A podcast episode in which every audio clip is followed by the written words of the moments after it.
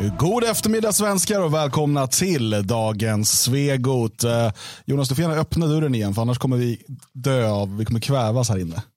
Um, vi har en amatör med oss. en total nybörjare. ja. Men uh, han är ändå varmt välkommen in i studion. Uh, Jonas Nilsson, säg hej till publiken.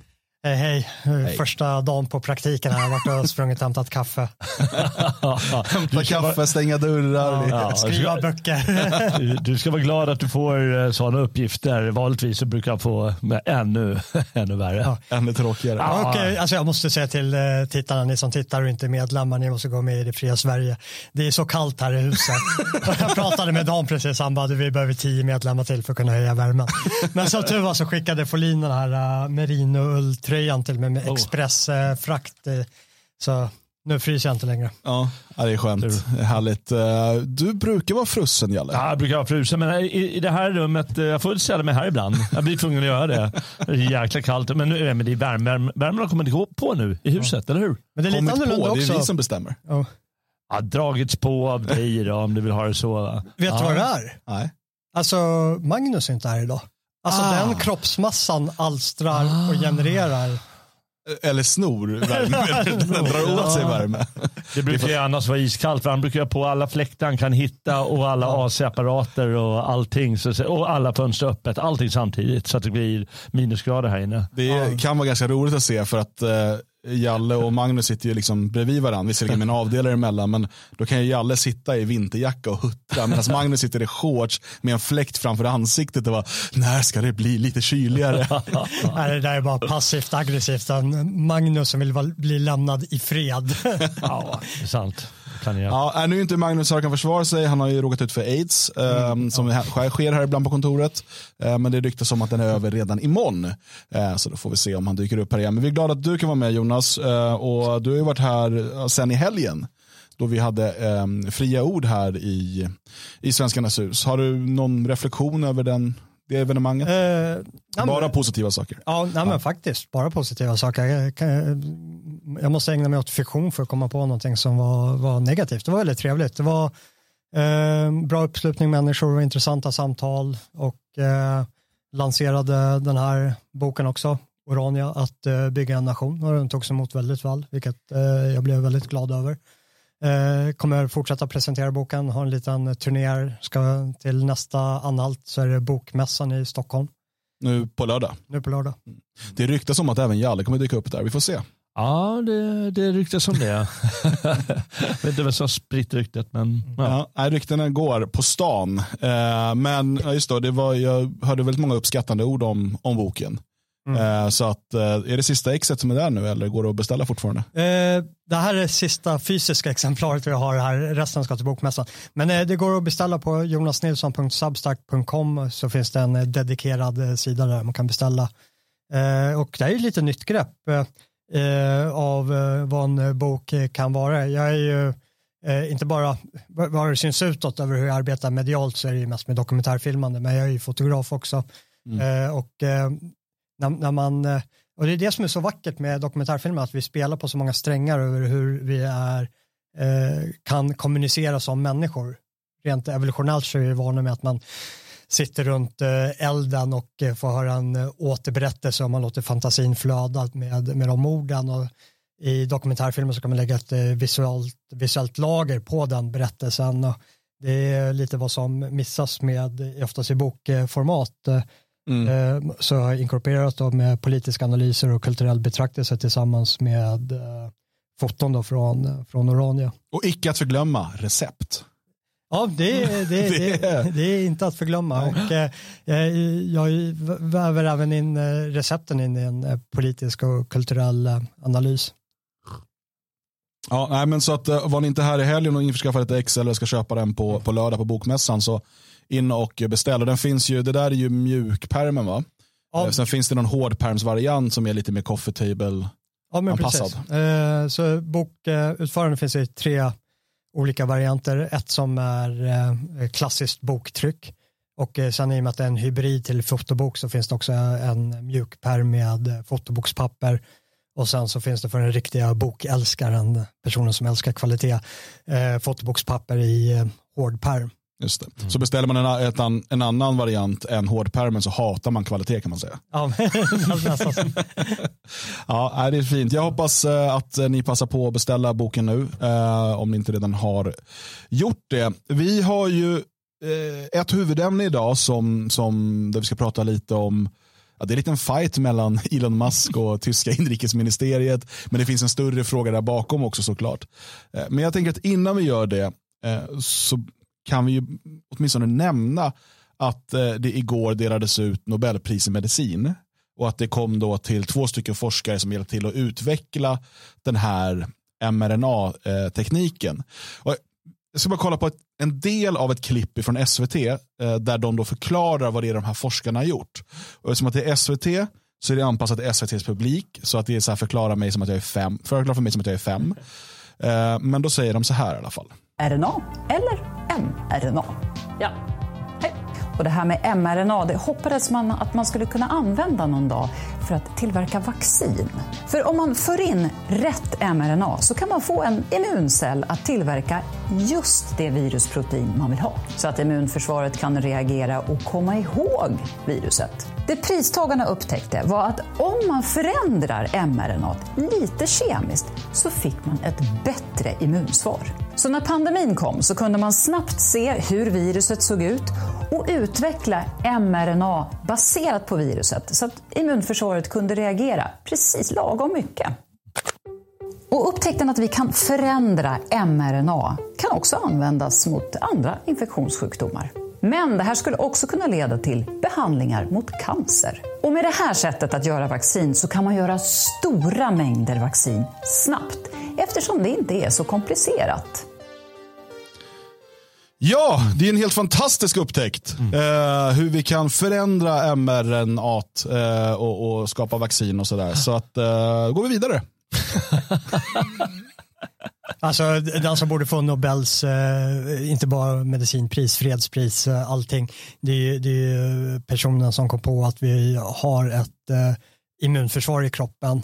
Så när du genomgår ett sjukdomsförlopp så är du bättre rustad nästa gång. Eh, och därmed inte för smittan vidare heller. Otroligt. ja, jag vet. ja. Men det man vill göra här då, det man, som man säger officiellt, jag är ju liksom ingen molekylär biolog eller sådär, så jag kan inte, men, men, men det är ju då att, eh, precis som att ett vaccin, ett, de tidigare så kallade döda vaccinen, mm. Eh, de, då sprutar man ju in någon variant av den sjukdom man vill skydda emot så att man ska reta igång immunförsvaret, den ska komma ihåg det och sen kunna då skydda dig mm. och vara redo. Och tanken här då med mRNA officiellt, återigen, jag lämnar alla andra teorier till sidan, ehm, är då att man att då skicka in den här budbärarmolekylen eller vad de kallar det för eh, och, och modifiera den så att den går att förklara för immunförsvaret att det här viruset angriper dig nu. Mm. Så istället för att spruta in det här viruset så är det en cell som förklarar att det här viruset kommer. Mm. Um, och så att eh, och precis då som att man ska, precis som att man skulle ha gått igenom en infektion då, så skulle immunförsvaret sen vara, vara redo. Det är väl så den liksom, officiella eh, versionen går. Sen har vi ju sett eh, en hel del eh, problem med det här. Eh, minst sagt. Och det finns ju eh, väl dokumenterat och vi har tidigare pratat om personliga eh, erfarenheter från släktingar och sådär. Eh, så att ehm, det är ju väl inte ett helt okomplicerat eller, eh, vad ska man säga, det, det är inte ett helt uh, okontroversiellt val egentligen av forskare, eller vad, vad tänker ni? Nej, jag tycker att det är det är förfärligt för det är så politiskt laddat och det är så, eh, så laddat, det har blivit så laddat med, med de här företagens framgångar och eh, liksom allt som har hänt, även till och med det ekonomiska på börsen och så vidare med deras eh, höga eh, språng upp och sen ner för vilket gör att eh, vissa har kunnat bli eh, väldigt rika på det, vissa har blivit mycket fattigare. Så det är på många sätt kontroversiellt eh, den här, eh, det här vaccinet eller mRNA-tekniken som har använt då coronavaccinet för att producera. Att det, jag, jag tycker det är, en, det är en skandal. Man borde vänta tio år med att, med att ge det i så fall. Mm. Och dessutom som du säger att det, det har ju åstadkommit jätte, jättemånga eh, problematiska biverkningar som eh, läkarvetenskapen struntar i många gånger och som eh, de här eh, eh vad heter, vaccinmyndigheterna vi har i Sverige och eh, i EU och USA eh, som de många gånger struntar i. Det, det, det, det, jag tycker det är horribelt det som mm. har hänt. Sen den vetenskapliga upptäckten, ja, den kan man givetvis hylla. Eh, för, eh, utan dess praktiska konsekvenser. Och det är väl det man i grunden gör. Men jag tycker det är väldigt opassande att göra det i det här läget. Mm. Men är det inte ett eh, politiskt pris då Jonas? Jag, jag tänkte lite i de termerna hur man kan betrakta det som politiserat eller kommersialiserat. Mm. Och är det någonting som pandemin, pandemiåren verkligen har lyft fram över att Eh, det blir mindre och mindre, alltså det är frågan om ens en gråzonsareal mellan det som är politiserat eller kommersialiserat och det har verkligen har flyttit samman. Eh, vilket vi har sett med de här uh, enormt inflytelserika lobbygrupperna som kommer från till exempel Big Pharma eller Big Tech eller de här stora mm. globala internationella företagen. Eh, så, så man kan nog inte särskilja det längre mm. i, i överhuvudtaget. Nej. Och, eh, och inte nog med det, om jag minns rätt så är den, den kanadensiska regeringen är till och med eh, indragen i, i vissa heter det, patent som de har på en teknik du behöver för att använda mRNA-tekniken. Och eh, där har det blivit politiserat på ett väldigt obehagligt sätt. Hela den här Eh, med lock, deras lockdowns eh, och eh, ja, Trudeaus sätt att ska vi säga, härska, ska vi säga det? Ja, men kollar man på, ja, men på Trudeaus... Väldigt, väldigt obehagligt. Ja. Kollar man på Trudeaus sätt att härska, då kan, då kan man nästan ställa det på sin spets över, över huruvida vad är det som är lobbygruppen är. För Trudeau framstår ju mer som en lobbygrupp gentemot mm, befolkningen, till exempel då mm. till att eh, ta de här vaccinen. Man ska inte heller glömma bort kopplingarna från till exempel en person som Ursula von der Leyen direkt mm. in i de här eh, företagen. Eh, och när människor har starka ekonomiska incitament att fatta beslut om inköp eller om eh, lockdowns och liknande eh, så är det klart att deras ehm, liksom beslutsfattande kan bli ganska grumligt. Mm. Ja, verkligen. Och särskilt med tanke på att eh, man brukar referera ibland till, ja men på 70-talet så då stängde vaccinmyndigheterna i USA, men är det tio har dött, stäng ner, det här är en skandal. Mm. Eh, medan nu, eh, de officiella siffrorna, de är ju liksom tusentals gånger högre än vad det brukar vara mm. i antalet eh, förolyckade på olika sätt. Och de osynliga siffrorna som inte registreras, eh, det är är ju skyhögt. Det var och varannan person givetvis, men det är mycket högre än man tror. Man, man läser ju så här, det finns ju trots även i Sverige så här snyfthistorier som folk kan skriva in till på, på Facebook eller eh, en och annan sida för att inte tala om telegramkanaler eh, i USA och Tyskland och sådär. Och eh, det är ju helt fruktansvärt att, att läsa vad som står där. Låt oss säga att hälften är troll så är det ändå hälften kvar mm. som skriver hur, vad som faktiskt eh, har hänt någon släkting till dem. Äh, det jag, jag, tycker det är så skandalöst. Och sättet de presenterar det på här. Åh, titta vad fint det är. Och det här är med den här tekniken. Ja, jag, och vi ska inte stanna för länge på det här, men, men det hon är inne på här också som man har hört flera gånger det är att det här ska sen kunna användas mot andra infektionssjukdomar och man talar även om cancer. Mm. Och det här är en ganska eh, kontroversiell fråga generellt sett. Eh, men jag är inte helt säker på att jag vill ha ett vaccin mot cancer. Eh, och det här, jag förstår det, alltså, jag har förlorat nära släktingar, nära vänner eh, när de var alldeles för unga eh, till cancer. Det, det, är en hemsk sjukdom. Men om vi tittar på den, demogra den demografiska problematiken vi har idag, eh, som dessutom har möjliggjort att vi skaffar väldigt få barn. Om vi skulle utrota en sjukdom som cancer eh, och därmed höja vår medellivsålder med kanske 10-20 år över en natt. Eh, jag är inte helt säker på att det vore bra för vårt samhälle. Och, och det här, jag förstår att det är en superkontroversiell fråga för vi ska göra allt för att rädda liv och jag, jag, jag förstår den inställningen. Eh, men jag tror att som civilisation kommer det inte bara Alltså det här, den här, den här, ja, den här jakten efter evigt liv. Jag, jag, jag tror det är fel, fel ingångspunkt punkt du har där. Det, det låter, låter, lite, låter lite osympatisk. Ja, jo, det, men, precis. Jag ja, förstår det. Det var därför jag var tvungen att berätta om släktingar ja, och vänner först. Kolla här, jag är ju kompis med den här svarta killen. Jag, jag, jag, tror att det, det finns liksom ett så mänskligt fenomen här, bortom det politiserande och det kommersiella. Och det är att människan, eh, vi, vi, ser oss som en sån arkitekt över naturen, att vi inte är en del av naturen, vi står över naturen och eh, vi är så benägna att gå in och rätta till saker och ting.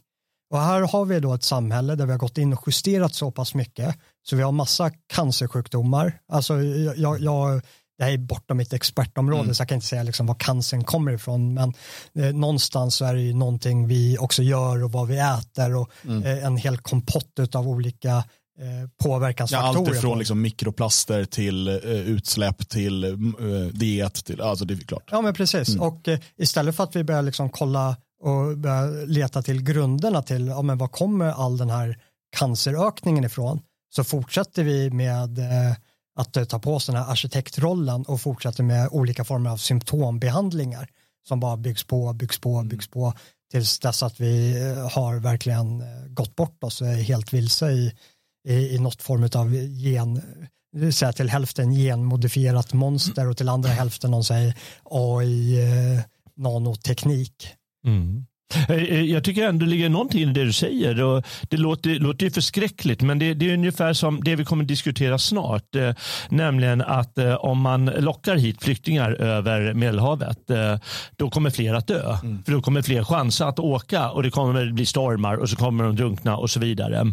Och det kommer vi komma in på. Det är lite samma sak med det du säger. Att, ja, men om vi har möjlighet att bota cancer så fler kommer att leva lite längre. Då kommer antagligen födas fler, min, färre barn barn. Mm. Alltså, för folk kommer ägna sig mer åt sitt eget liv. Åh, titta, jag kan leva, jag kan vänta längre med att eh, eh, skapa barn och så vidare. Och Det är lite samma situation. När du lockar det ena så, så är det någonting som händer på den andra fronten. Mm. Även om det låter förfärligt så, sen, så är det lite det, så man måste se på det. Precis, alltså det, där, det blir ju nästan filosofisk fråga för att går man ner på mikronivå, på individnivå, vem som helst skulle göra vad som helst för att rädda sitt barn som har mm. cancer till exempel. Igår var det den här barncancergalan på tv. Eh, jag bläddrade förbi den lite snabbt och då var det ett, ett så hjärtskärande reportage om någon tvåårig flicka som hade någon dödlig cancer. Alltså man fattar ju, det är inte det jag säger att jag inte vill rädda den här flickan, men jag, jag menar med att det finns den här, det som du är inne på Jonas, den här större bilden av att vi på något sätt vill ersätta Gud och vi vill liksom kunna um, eh, överlista naturen på något sätt. Och, ja. och risken att det slår tillbaka är nog eh, stor.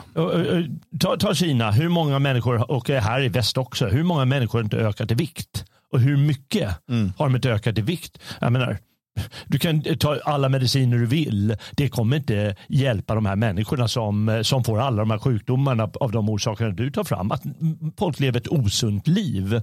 Så de kunde leva bättre och därmed skulle vi slippa de där medicinerna till stor del. Mm. Det är så här, nu, eh, en, en av författarna som jag uppskattade förr i tiden var ju Nassim eh, Taleb. Nu har han ju tappat det fullständigt i samband med den här pandemivågen och eh, han har svängt från att vara väldigt frihetlig till att förespråka ganska tyranniska åtgärder. Men han skrev en ganska intressant sak, jag minns inte om det var Skin in the Game eller i Anti-Fragile, att om eh, du har en ovän eller du vill en person illa, ja men eh, bjud han på en gratis hälsocheckup hos läkaren. Mm. ja, jo, ja, det finns en poäng i det.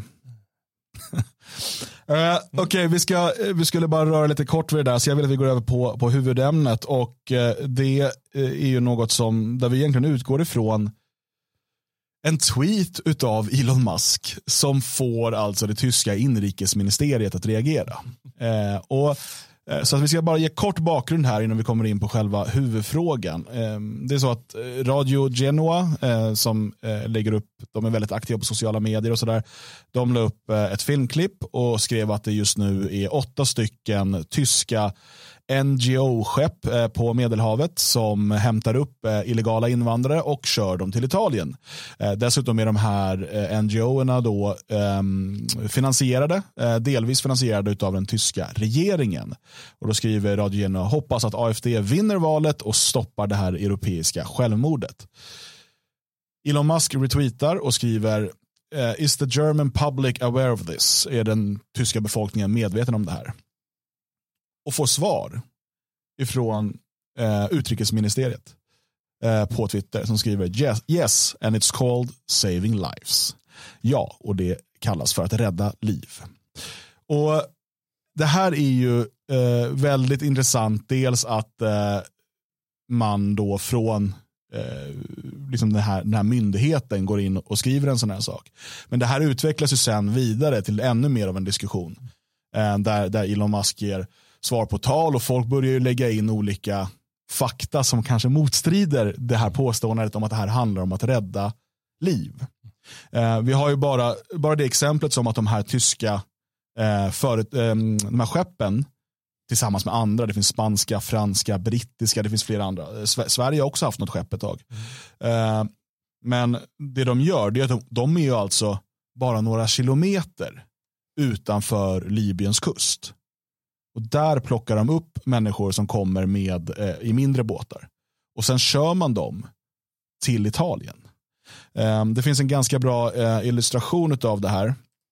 Eh, så för er som kollar på videoversionen nu Eh, så eh, blir det ganska tydligt. Vad är skillnaden mellan sjöräddning och eh, släpperaj är ju då eh, boxering kan man säga. Eh, alltså att Slappa i tåg, ja, men, slappar, slapparaj.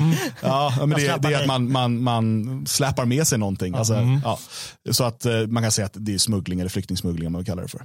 Eh, och det är ganska enkelt. Sjöräddning hade varit att vara där nere vid Libyens kust och så när de kommer med de här rangliga båtarna som inte klarar över Medelhavet. Mm. Här upp på vårt skepp, vi kör tillbaka er till Afrika. Ja. Eh, då har man räddat dem. Mm.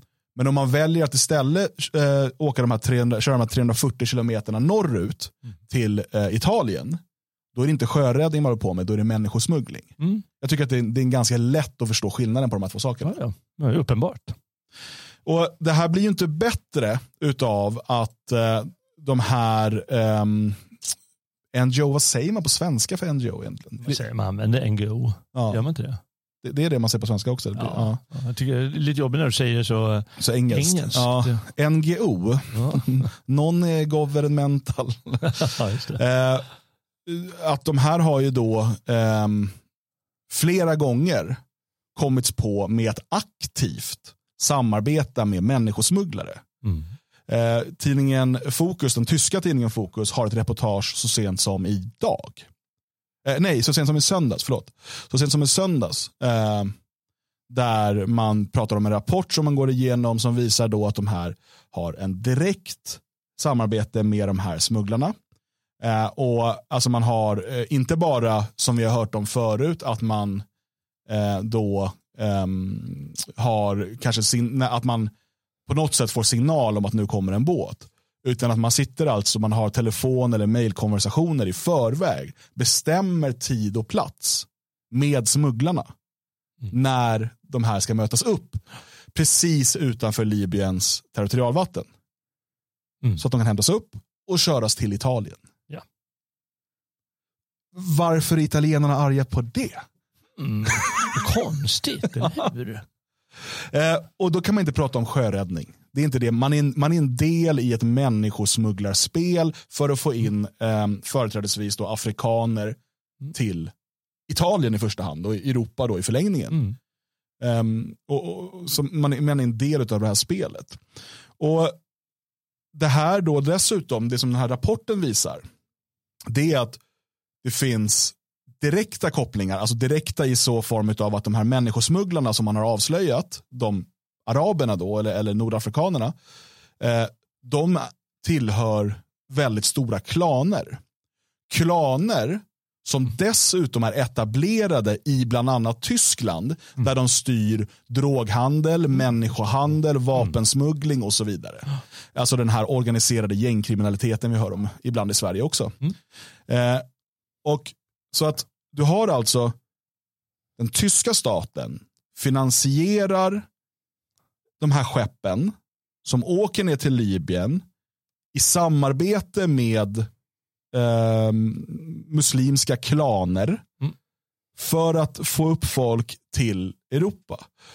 Och för ett tag sedan så eh, kunde vi också läsa om hur eh, en av de här eh, klanmedlemmarna eh, som heter Abu Ali i Tyskland eh, har varit inblandad i det här och inte nog med att han har varit inblandad i det här. Man har gjort det medvetet för att få människor som sen kan bli springpojkar inom klanernas kriminella verksamhet. Så när ni hör om de här gängbrottslighet, klaner och så vidare så måste man förstå de här mekanismerna när den socialdemokratiska och miljöpartistiska och liberala regeringen i Tyskland betalar pengar till de här skeppen som åker och hämtar i samarbete med de kriminella klanerna åker och hämtar folk utanför Libyens kust, kör dem upp, dumpar dem i Italien. De här människorna sprids sen i Europa och många av dem hamnar i den här klankriminaliteten. Mm. Det. Det, det, det, är helt fruktansvärt. Det, det, det, alltså, det är katastrofalt. Men jag blir verkligen mörkrädd. Um, jag menar, givetvis måste de här politikerna ställa till svar på något sätt. Mm. För det är ju uppenbart. Eh, vare sig de bara jobbar eftersom han säger nej det kallas att rädda liv eller något sånt. Vare sig han eh, jobbar efter enligt goda avsikter så funkar inte det. Eftersom alla kan, du nämnde det här, droger, vapen, eh, trafficking, eh, eh, svarta pengamarknaden, allting de vill kämpa emot, det kämpar han för. Mm. De, eller de ansvariga ministrarna eller eh, de som är under ministrarna. Och eh, eftersom ingenting kommer hända på den fronten, för så fungerar ju politiken, så återstår att eh, sådana som Italien och i det här fallet Elon Musk som är, är trevlig nog att hjälpa till, att de sätter oerhörd press på Tyskland. De måste skandalisera landet. Ungefär som man skandaliserade Grekland. Kommer ni ihåg hur man skandaliserade dem? Kanske med rätta va? När de inte skött, visat att de inte skött sin ekonomi på, på tiotals år. Mm. De måste skandalisera så det grövsta. Jag hoppas att eh, de kräver att EU ska ut ur, eh, Tyskland ska ut ur EU. Jag tycker att eh, Meloni ska presentera. Mm.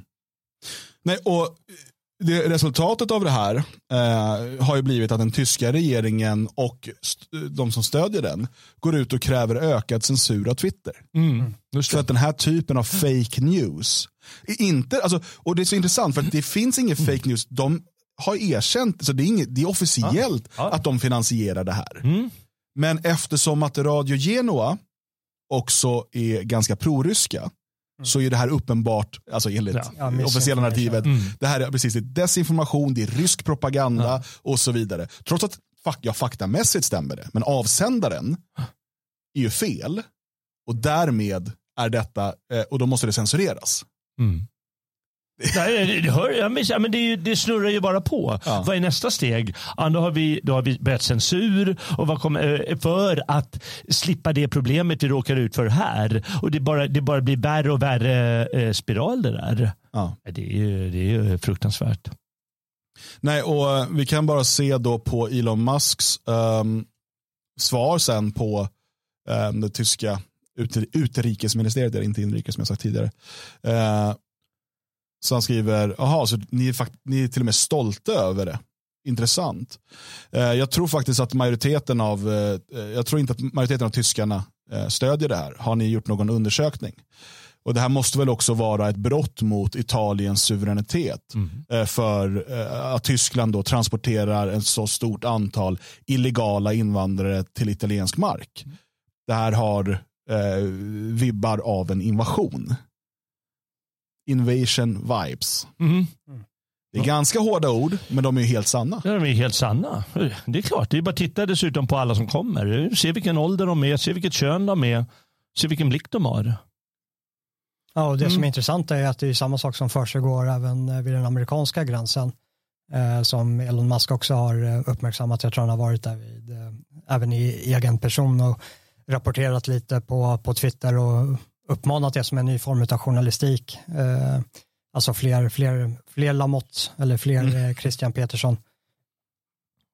Men eh, är det en sak som de här situationerna visar, nu är ju visserligen både eh, demokraterna i makten med Biden i USA och eh, sen med den här eh, tyska regeringen, men när det kommer till de här NGOsen, det spelar mindre roll för de är i makten eller inte, de är väldigt duktiga på genomföra sin politik eh, oavsett om de är i liksom den officiella politiska maktställningen.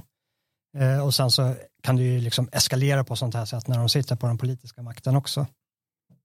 Ja, men det är helt sant. Eh, de borde ju stoppas hur man än vrider och vänder på det. Nu är det bara så övertydligt, nu så hemskt i och med att en regering ligger, ligger bakom det. Ja, mm. och det, det, är där jag tror, alltså, för att vi ska prata om oss som höger eller oss som opposition, att där har vi mycket att lära över.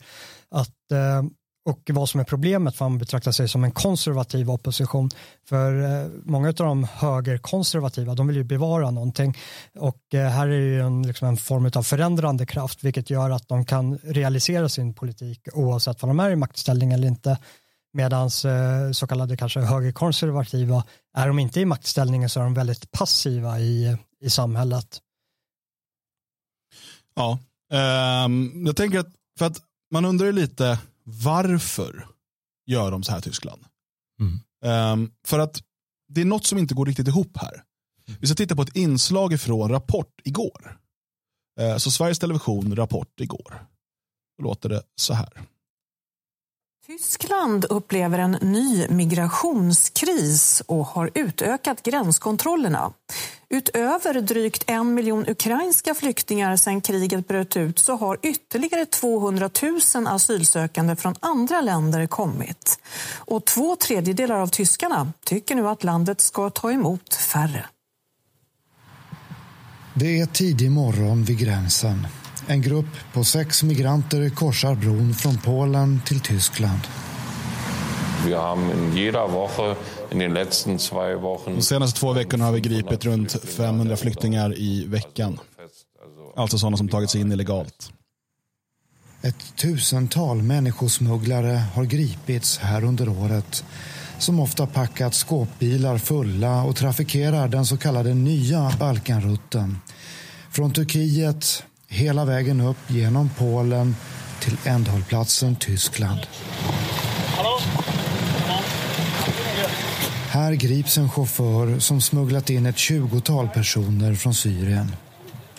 Hussein, också han från Syrien, tog en annan väg som blivit allt vanligare.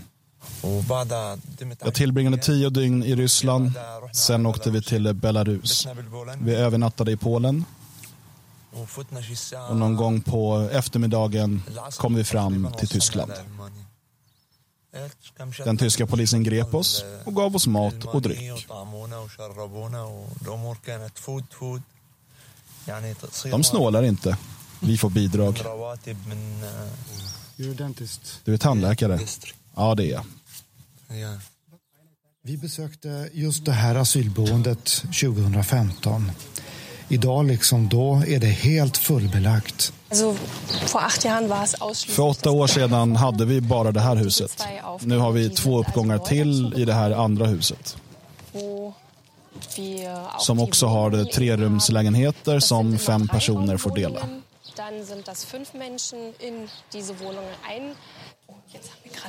Just nu pågår en språkkurs här. Fruktar du en upprepning av 2015? Så är det redan. Eftersom de tyska kommunerna redan har nått taket för vad de kan ta emot. Bara hos oss har vi 700 flyktingar i asylboenden. De borde egentligen ha flyttat ut, men det finns inga bostäder. Tyskland har 37 gränsövergångar till Polen. Trots att tyska polisen har höjt närvaron längs med gränsen och övergångarna senaste veckan så har de inte möjlighet att vara överallt hela tiden. Här syns de inte till ikväll. Debatten om permanenta gränskontroller handlar bara om kosmetiska åtgärder. Den tyska staten kan inte längre styra över eller reglera invandringen. Det enda som återstår är att försöka lindra effekterna. Ja, så det där är reportaget från Tyskland. Man pratar då om att införa de här gränskontrollerna och även om han då landsborgarrådet här, socialdemokraten eh, i Brandenburg, säger att det är kosmetiska effekter, det, är liksom, det kommer inte lösa någonting. Eh, så, och vi vet då, han, man sa här, i Tyskland, två tredjedelar eh, vill ha färre invandrare. Det kommer nu undersökningar man också på partinivå, eh, där det till och med bland sosseväljarna säger majoriteten att de vill ha färre invandrare. Samtidigt som den tyska staten pratar om det här så, pratar de också, så finansierar de också mm. skeppen i samarbete med de kriminella klanerna för att få in fler människor till Europa. Hur kan båda de här sakerna vara sanna samtidigt? ja, man undrar. Ja, det, är, väl olika former av eh, intressekonflikter där eh, vi har ett politiskt ledarskap, inte bara i Tyskland utan även i ursäkta, utan även i Sverige och resten av västvärlden där de eh, företräder helt andra intressen än de svenska intressena eller de tyska intressena i det här fallet. Men eh, det finns ju fortfarande en eh, intressemotsättning där, där tyska intressen ändå blommar upp till ytan för det är tyskar som bor där som vill ha på ett visst sätt och de här myndigheterna har ju fortfarande vissa regleringsbrev från regeringen över att de ska upprätthålla gränsen, vilket det är de försöker göra.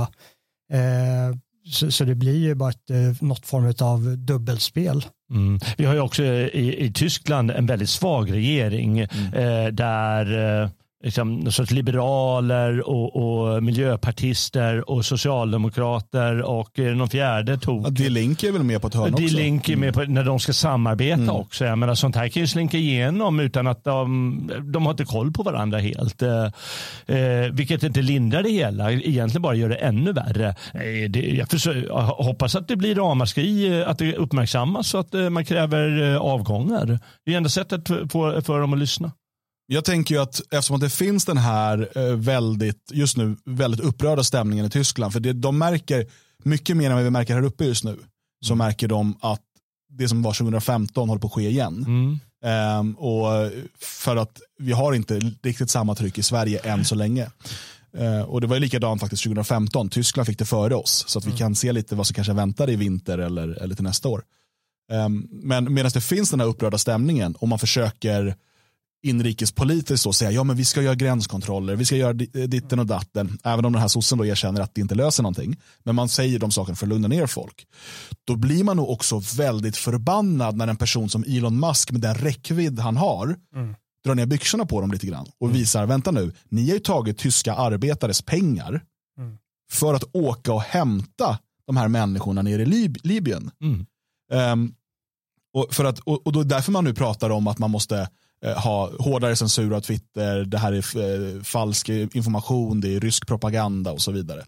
För att man måste då på något sätt, det är en, det är en typ av um, skademinimering, damage control um, i det här läget. För att man kan inte riktigt hålla, uh, hålla god min i, på hemmaplan när det här också kommer ut. Så att uh, det, det ligger nog med det. Sen en annan sak jag tänker, jag vet inte om ni tror att det ligger något i det. Uh, jag fick lite eh, tankar på när Reinfeldt var så tydlig med att han, och han har sagt det efteråt också, att det var ett sätt att straffa svenskarna för att de röstade på Sverigedemokraterna. Mm. Var då det här samarbetet med Miljöpartiet för att öka invandringen. Och jag undrar om det är liksom på EU-nivå eller direkt från tysk nivå. Att man vill straffa Italien för att de har valt Meloni. Hon har ju varit en gruvlig besvikelse än så länge. Mm jag har väldigt svårt att förstå varför det blev så här. Jag, folk vill göra det väldigt lätt för sig. Ja, men hon har varit på hon har varit i, i, eh, på World Economic Forum, du vet, hon är bara så här och så. Jag ser att det sällan är så pass enkelt. Det finns no, alltså hon kan inte agera. Hon, hon skriker och gormar och säger att Nej, men, tysk jävlar sluta med det här nu. Men hon verkar inte kunna göra någonting. Det är som att hon är, händerna är bakbundna. Uh, men men uh, att det finns här ett mått av att valde ni den där gamla fascisttjejen, nu så ska ni få se en invandring ni aldrig har sett förut. Det ska inte löna sig att rösta sådär. Det, det, det känns så. Jag tror i och för sig att, eh, att eh, tyska regeringen har stöttat de här båtarna och de här NGO-organisationerna eh, eh mycket längre än Meloni har suttit vid makten mm. och antagligen med mer pengar tidigare. Mm. Ja, kanske, kanske samma summa. Nu ska vi också säga att det är inga jättesummor. Det är 800 000 euro. Eh, Till men... ett, ett av dem ja. Alltså det, var, det är mer om man räknar alla. Aha, okej. Okay. Ja, ah, ja. ett, ett enskilt sånt här skepp har Ett enskilt, ja. jaha, ja, ja. Nej men då är ju, det, är, det, okay, det, det är kanske inte jätte, jättestora summor det är ändå. Inte, det är inte hela. Men... Sen stora delar av finansieringen kommer från eh, tyska kyrkan, eh, mm. från katolska kyrkan, mm. från, eh, det finns, och sen så är det en massa olika statliga organ eller statsfinansierade det, semimyndigheter ja. som också är med och sponsrar. Vi tittade på ett av de här skeppen för några månader sedan eh, och liksom kollade igenom listan. Mm. Och i stort sett alla som går in och sponsrar är i sin tur skattefinansierade. Ja. Ja. Så, jättestort problem i Tyskland och det är lite liknande här men jag tycker att det är ännu större där för där vet jag att det är väldigt många som de har det som yrke att hjälpa flyktingar och fylla i för att de ska få maximala bidrag och allt vad de gör. Jag tror inte det är så enkelt i Sverige faktiskt. Så till slut blir det här ett självspelande piano. Att eh, all, det är så många intressenter som slåss för att det ska bli fler flyktingar och för att de här båtarna ska göra sitt skitjobb eh, och eh, allt vad som händer. Och eh, enda sättet det är faktiskt att politiker får ta smällen till slut. För det, det är de som, får, det är de som får, måste få smockan på något vänster. Så det, det, är jätteviktigt att det kommer fram. Heja Elon Musk för guds skull. Kötta på lite hårdare fram på. Han, alltså, han skryter om att han ska slåss med eh, den här Facebook-krullisen. Ja, jag tycker att han ska liksom dra på nu igen. Kom igen Problemet är att jag tror att Zuckerberg skulle vinna den fighten. Ja, kanske han skulle. Ja. Han har betydligt längre kampsportserfarenhet. Okej, okay, ja. Men eh, han kan väl klå några tyska regeringsmuppar i alla fall. Ja. Ja, är det något mer ni tänker kring det här? Um, alltså vad, vad, är det vi, vi ser här? Om det finns någon, någon, någon sten vi har glömt att lyfta på? Vad kommer hända med, med alltså, Sverige blir också drabbat uh, av det här. Det är ju liksom inte bara Italien och uh, Tyskland som ändå ligger relativt nära. Mm. Det är inte bara det, utan i slutändan drabbas vi också. Mm. Så det borde ju sägas mycket mer och så kommer rapport med det här fåniga inslaget. Uh, ja, um, jag vet inte om det är ett sätt att försöka mjuka upp inför eller eh, vad som komma skall. För jag tycker att det är intressant det här att de väljer att ta med den här från intervjun när han säger vi får bidrag. Mm. För Det känns ja. som ett sätt att bara reta upp folk. Ja, för det är sånt som folk stör ja. sig på. Jag vet inte varför man tog med det. För det, det, ja, för det jag vet inte om det liksom gjorde reportaget, ja, fyllde en funktion, men ja, kanske.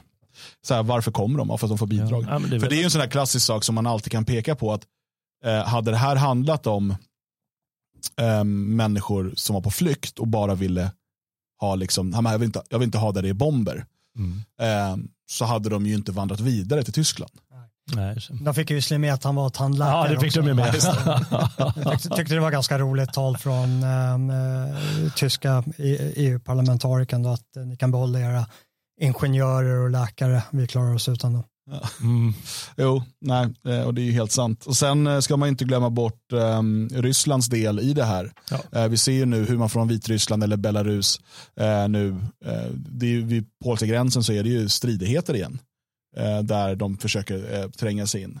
Mm. Och, och, det är ju en del av en hybridkrigsföring. Att, att skicka ja. de här människorna mot, mot väst. Um, så att, men det är ändå intressant att de lyckas ta sig in i Polen. Jag tänker, hur välkontrollerade är de där påse gränserna egentligen? Det kan inte vara så svårt att, ja, så många soldater kanske man inte kan få in, men ändå. Jag tycker bara att det känns som att det är alldeles för porösa de här gränserna. Ja, nej, men eh, det får man väl tänka att det var jättemånga som trillade in mellan Turkiet och, Grekland också. Där är ju ännu mindre, det är en väldigt mm. liten eh, gräns där. Och det är väl antagligen att de har, att de, har de vitryska myndigheternas eh, hjälp, får man anta, de här mm. flyktingarna. Mm. Är de här invandrarna, jag sa fel. Ja, Eh, men eh, låt oss lämna huvudämnet där helt enkelt och eh, vi lämnar också er som inte är stödprenumeranter eller tittar live för att vi kommer nu gå över i den del som bara är för de som, de som har tagit plats i värmen och är en del av eh, Svegot-familjen. Om du vill ha tillgång till det här och alla andra program i efterhand så går du in på svegot.se support och så tecknar du en stödprenumeration där. Eh, och så ska vi köra lite hiss eller diss heter det. Det är det, det, det bästa segmentet och då har man en jingel också. Den låter så här. Hiss eller diss.